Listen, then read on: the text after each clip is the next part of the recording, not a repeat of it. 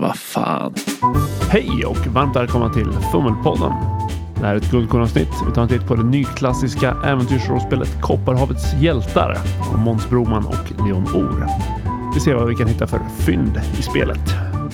Då rullar vi igång.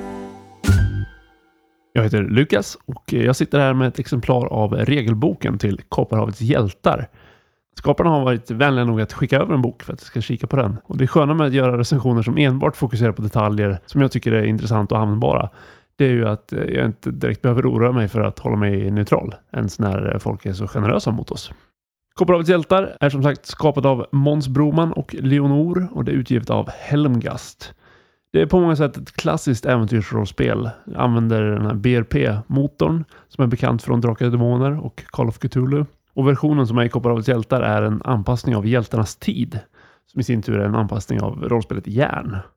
Det finns grundegenskaper, färdigheter, handlingslag, initiativ, skadeslag, allt det där som många är bekanta med. Och spelvärlden Atos har dessutom sin grund i Ereba Altor, som är väl den mest klassiska kampanjvärlden till Drakar och Demoner. Men här är det fokus kring just Kopparhavet som jag får lite medelhavsvibbar av. Det är en hårdbandsbok i G5-format med drygt 200 sidor. Inlagan är svartvit. Det är mycket textinnehåll, men det är luftig layout och tydlig hierarki. Det finns ganska stort antal detaljerade kartor och även proffsiga svartvita illustrationer. Boken innehåller verktyg för att skapa rollpersoner, regler för handlingar, strid, magi och sjöfart. Det finns spelade tips för hur man bygger äventyr, ett antal äventyrsmiljöer och två introduktionsäventyr, information om spelvärlden och ett bestiarium med motståndare. Första guldkornet är eh, rubriken Diskutera ihop gruppen när man skapar rollpersoner. Och uppmanar spelarna till att prata igenom hur rollpersonerna känner varandra, varför de reser tillsammans och hitta lagom motsättningar så att det skaver lite och skapar en intressant dynamik men inte att rollpersonerna riskerar att bli rena ovänner. Även saker som varför rollpersonen är äventyrare och hur den beter sig i relation till de andra i gruppen. I ett äventyrsrollspel kan det här kännas som självklara frågor. Men i min erfarenhet är det inte alls lika självklart att spelet uppmanar till det. Och då är det lätt att man sätter sig, man spelar ihop och gruppdynamiken visar sig inte funka överhuvudtaget. Och I värsta fall känns det orimligt att rollpersonerna reser tillsammans och det kan även bli oklart varför rollpersonerna inte bara slår sig ner och lever ett normalt liv istället för att äventyra. Så de här frågorna hjälper ju en att motverka det. Och det är ju en enkel grej för boken att be gruppen prata igenom det här. Och det är en användbar grej för spelarna att prata igenom. Det gör att man kommer snabbare in i rollpersonerna och man känns mer som en grupp än som individer som råkar befinna sig på samma plats. Det kan kännas ganska självklart, men jag upplever att det verkligen inte är det. Och därför är det toppen att eh, man har tillägnat en liten del av boken till att explicit uppmana spelarna att tänka igenom det här. Andra guldkornet är att man har delat upp klassiska HP i hälsa och gard istället. Och gard är då ens förmåga att försvara sig. Så när man misslyckas med en försvarshandling i strid så sänks ens gard först. Det blir som en slags buffert innan man börjar skada på riktigt. Och garden kan återhämtas ganska enkelt efter strid eller rent av under strid om man lägger sin handling på det. Medan tar man skada på hälsan så är det mer allvarligt och svårare att återhämta. Den traditionella lösningen med enbart hälsopoäng har jag upplevt eh, tenderar att bli att alla lyckade attacker gör skada när man beskriver dem. Då. Det leder till att rollpersoner får vad som borde vara livsfarliga sår, men de är egentligen inte ens påverkade av det regelmekaniskt. Och det kan vara personer som är vid dödens rand och sen sover de lite grann och så har de på något sätt läkt de här dödliga såren. HP är väl i grunden inte riktigt tänkt att fungera så. Det ska väl inkludera saker som gard, uthållighet, självförtroende och kampanda.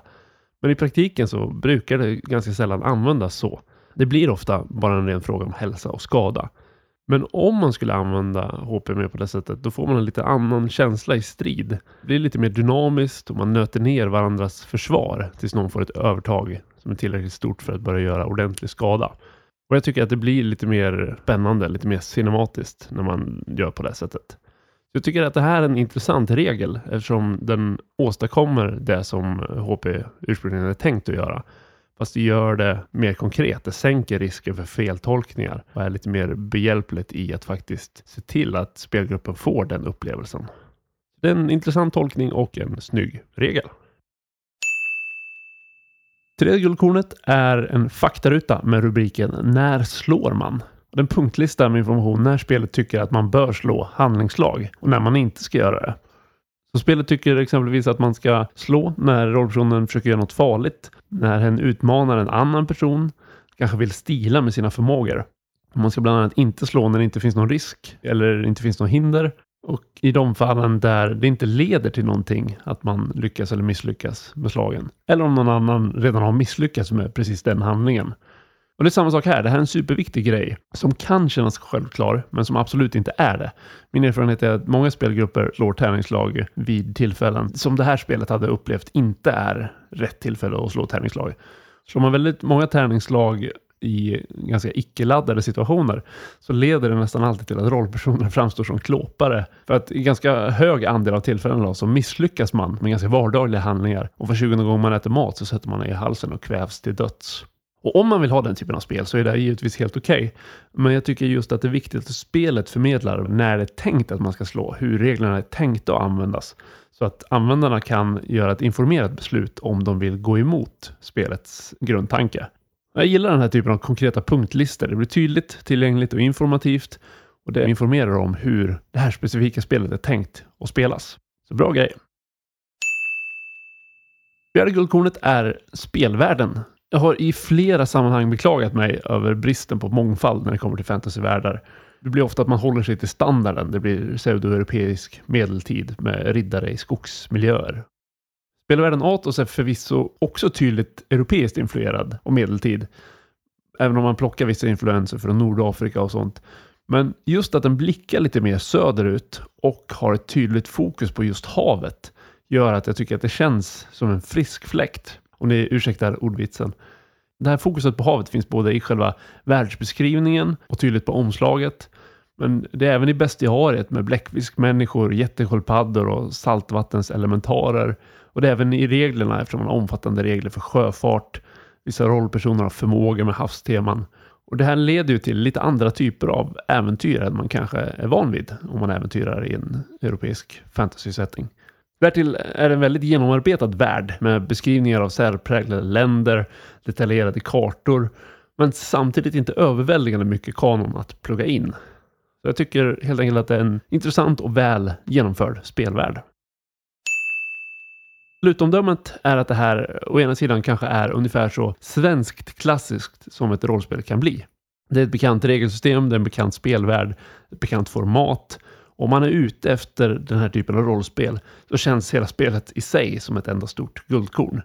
Å andra sidan tycker jag att man har utvecklat och moderniserat det här regelsystemet och man har en spelvärld som fortfarande har en stark egen identitet. Så även om du blickar ganska mycket bakåt så känns det ändå som ett spel som står på egna ben i nuet.